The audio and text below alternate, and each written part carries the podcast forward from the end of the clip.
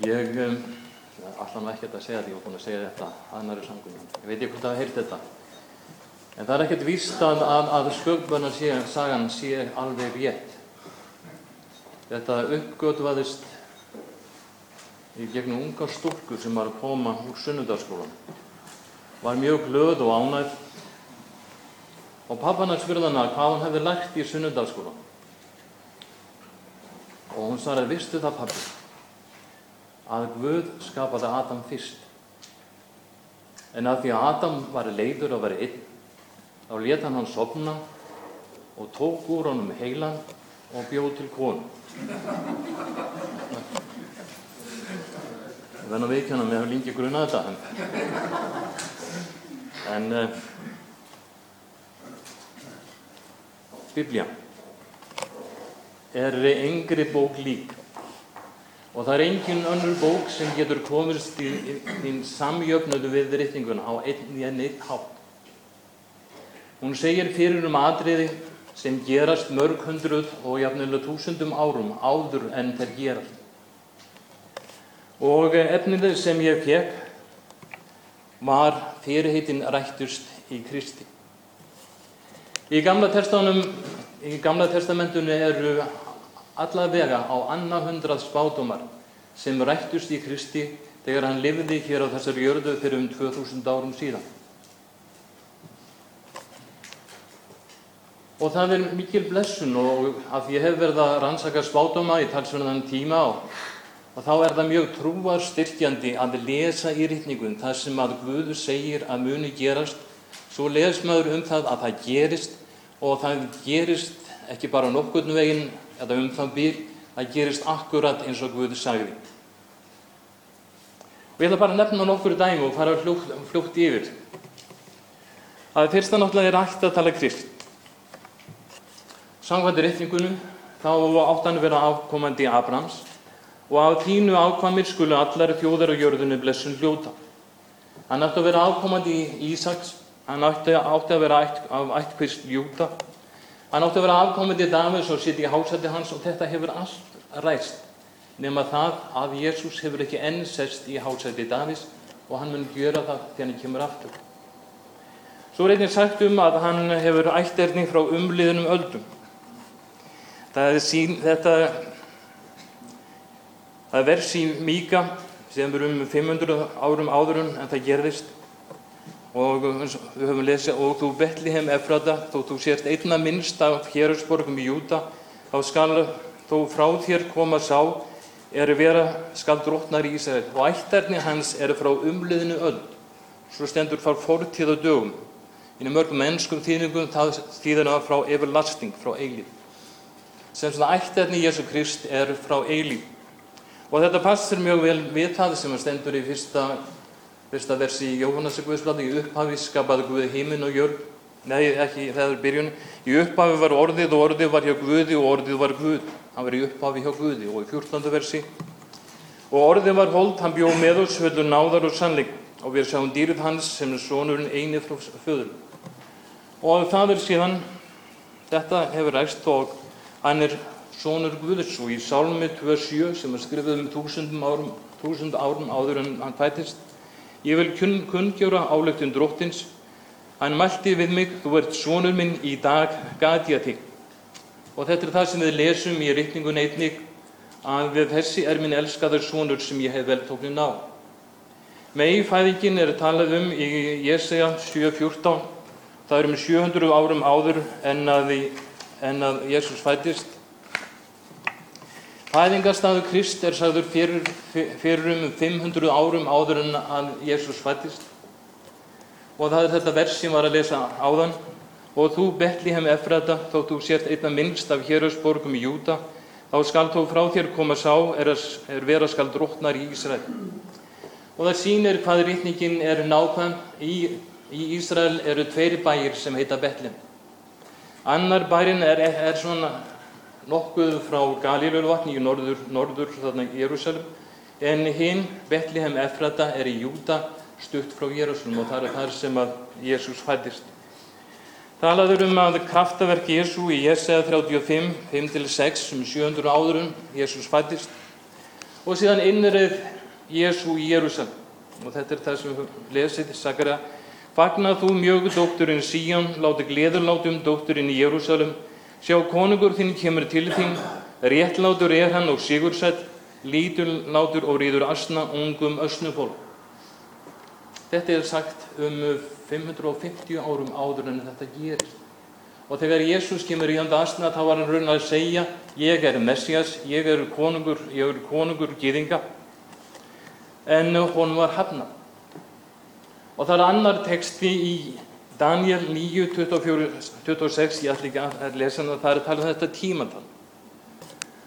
Og það er sagt 77 er ákvæmna líðtínum og henni heilugu borg til þess að drýja glæpin til fulls og fylla mæli syndana. Og til þess að friðhiga fyrir miskjörðana og leiða fram eilíft réttlæti. Og þetta er 77, þetta er um 490 ár. Og síðan stendur, en frá því að orðið um endurreysn Jérúsalem útgekk til hins smurða höfðingja, til, til Krist, eru sjö sjöndir og það á að standa, þannig er það í norsku biblíunu og flestum ennsku biblíunum, eru sjö sjöndir og 62 sjöndur, þá skuld torkennarstræti endurreysn verða. En síðan stóna, og eftir það er 62 sjöndir, það er hérna 7 sjöndir pluss 60 eftir 69 ár, sem, sem eftir 483 ár Já, munir, munir smurði ammáður verð og byrja aðeins. Já, eftir þær 62 sjöndur munir smurði ammáður verða og hann mun ekkert eiga. Og þetta gerist að, að bóð um endurist Jérúsalm gekk út, það var Arfærseris Longimannus, þetta var 14. mars 445 fyrir Krist og þetta eru 483 ár meðan það geðingar tímadil, það eru 360 dagur í árinu, þá eru það 173.880 dag og það þýðir, og það er fleiri aðeðir sem bendir til þess, að Jésús reið inn í Jérúsalem 7. april 32 eftir Krist.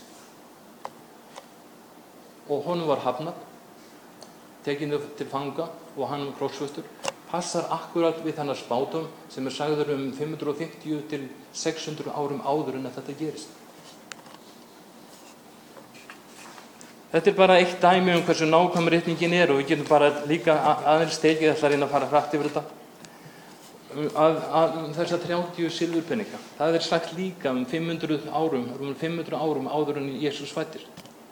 En drottin sagði við mig, Kasta þú því til leirkjærasmiðsins hinnu dýra verðinu er þú varst metin af þeim og ég tók þá 30 sikla silfurs og kastaði þeim í leirkjærasmiðsins í musteri dróttins. Og þetta reytist akkurat eins og skrifað er um 550 til 600 árum áður en það gerist. Jútas í skrótin hann sveik Jésu fyrir 30 sílum vinninga og síðan þegar hann sá að Jésús var dæmtundu dauða þá þá tók hann þessar peningu og kastaði þeim inn í musteri.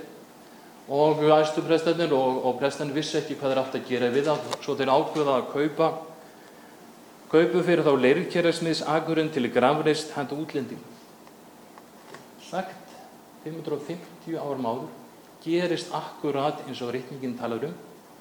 Nákamlega ekki nokkurn veginn eða hérumvinn heldur akkurat. Krossvestingin er, er bara líst í Salmi 22 Þar stendur meðal annars bara þeir skiptu með sér klæðið minn og kasta hlut um kyrstil minn sagt um þúsund árum áður en þetta gerist. Og hvað gerðist? Hermennir tóku klæðið hans og skipti í fjóra hluti og fekk hver sinn og síðan tókuðu þeir kyrstilin og, og körstuðu hlutu.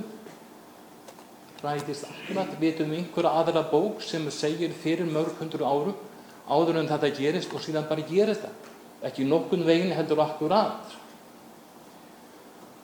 Og síðan, allega, síðan er upprisan hún er sagð fyrir í Sálmi 16 það er sagt að hér að, að hinn trúaði sjá ekki gröfuna það á að vera að hinn trúaði verði ekki rótting og bráð og Pétur vittnar í þetta. Þannig að biblían er engin yngri annari bók, bók lík og ástæði fyrir því að höfundur biblíuna er Guður sjálfur og hann vakir yfir orður sínu til að framkama það og uh, þess vegna sjáum við að þetta gerist eins og hann segir.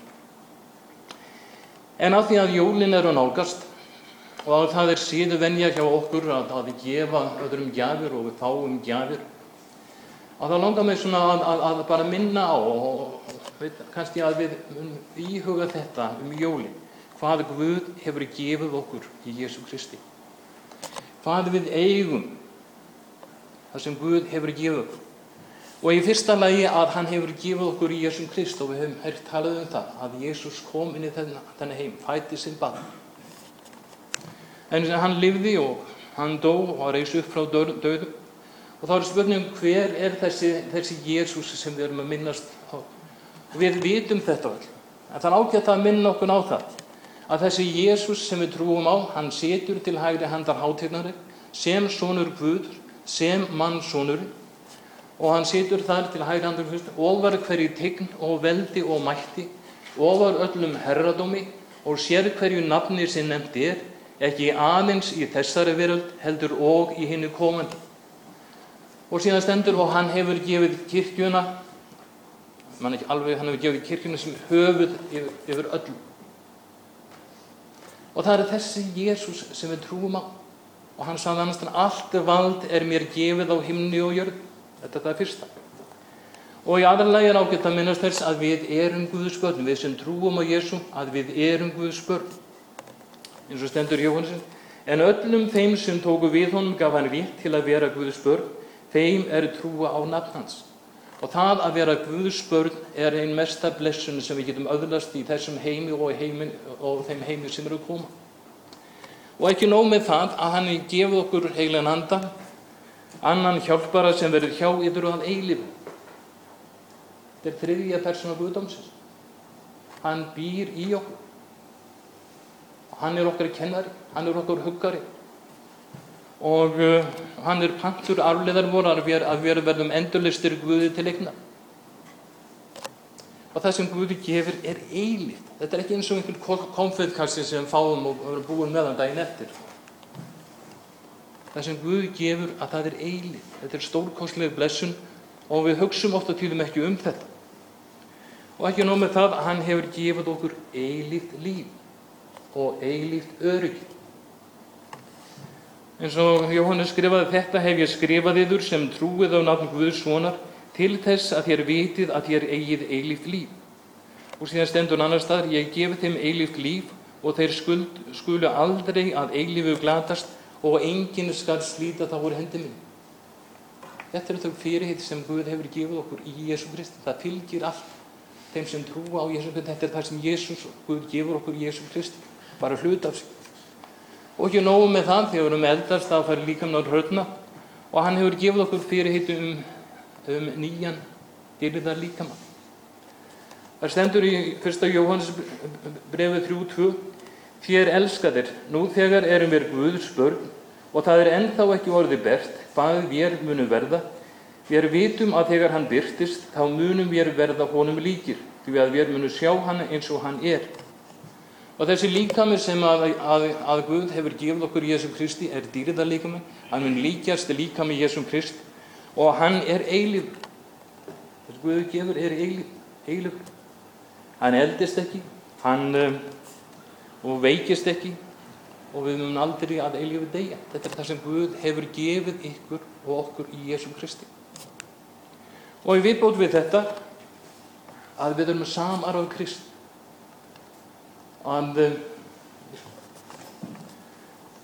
allt er skapaði fyrir hann og til hans og, uh, og hann hefur þannig að hann er yfir öllu þetta að heimurinn er skapaði fyrir hún og til hans og hann gefur okkur erfiðar hlut með sér í því. Og það var mjög gott að við svona hugluðum þetta að Guð hefur að gefa okkur allt með Jésum Kristi og erfiðar hlut með honum. Og einnig hefur hann gefið okkur hlutild í dýridróttinu Jésu, Jésu Krist. Það stendur í þessónugabyrfi Til þess kallað hann ykkur, hann let mig bóða ykkur fagnaðabóðskapin um, um að þeir skilduð öðlast hluteld í dýrðadróttins vors Jésu Krist.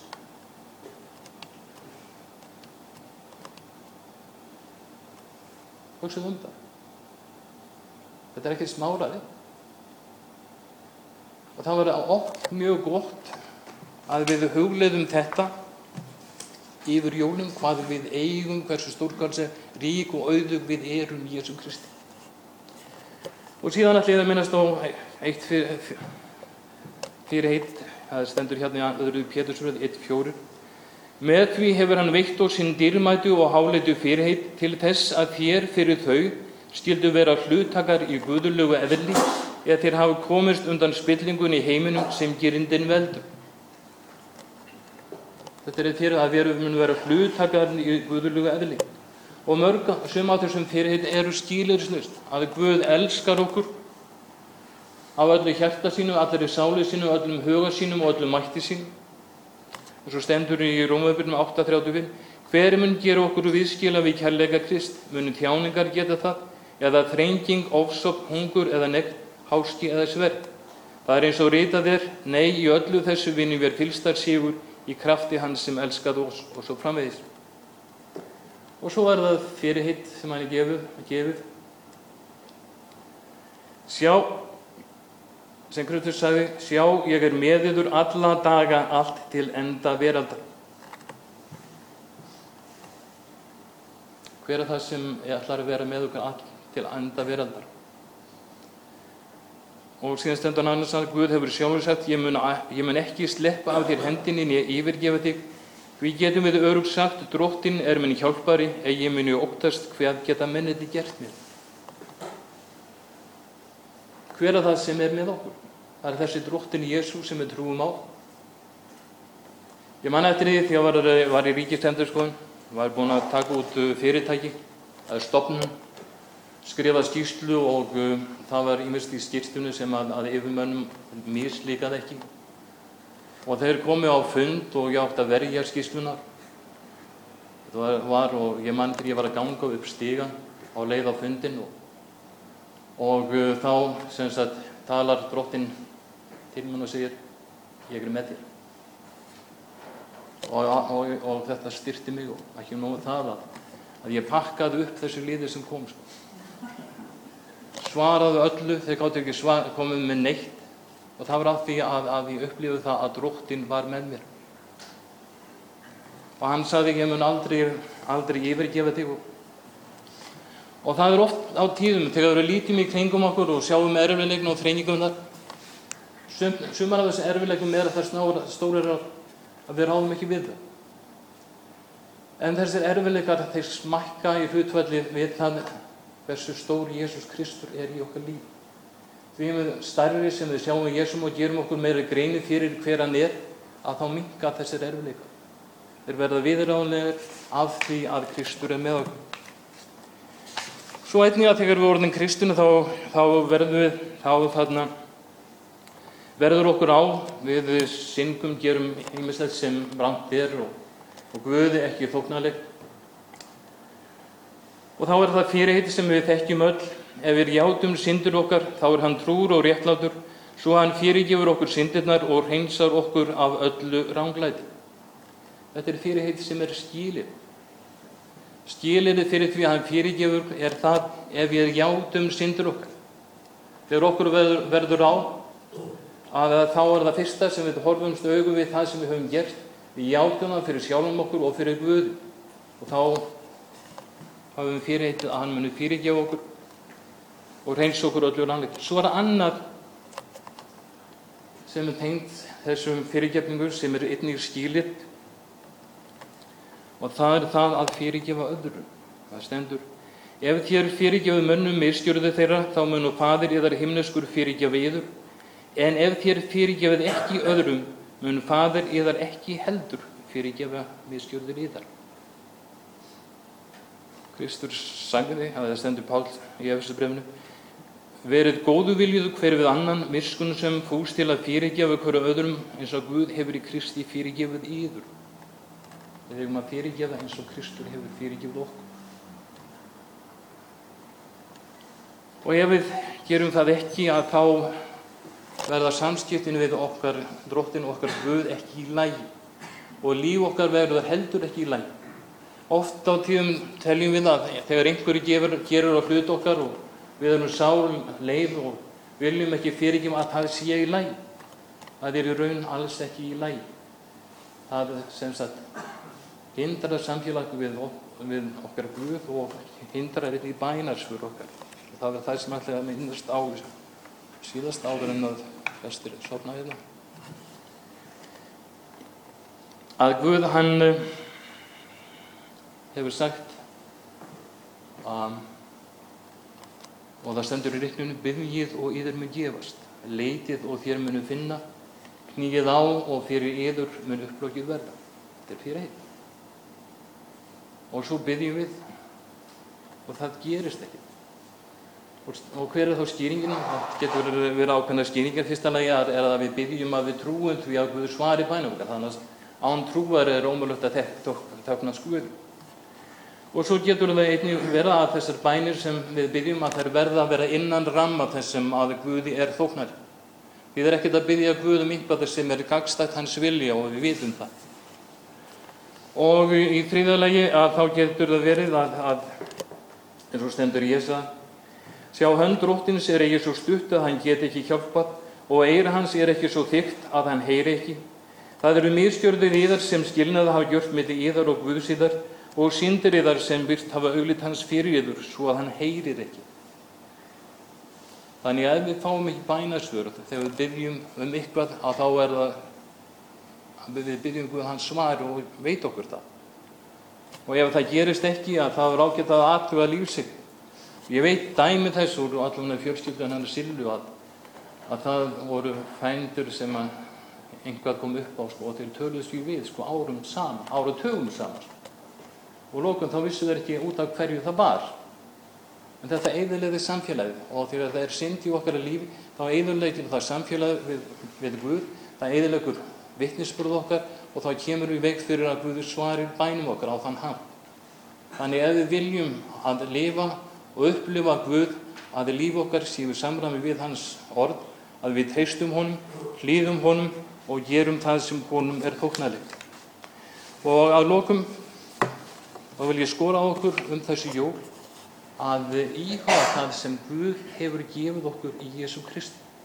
Við erum auðug þjóð, við erum auðugur líður, við erum forléttandar líður, við erum börn Guðs og, og það er engin líður sem á eins, á, á eins mikið og eins stóran og mikinn frelsara og við eigum sem er Jésús Kristus. Amen.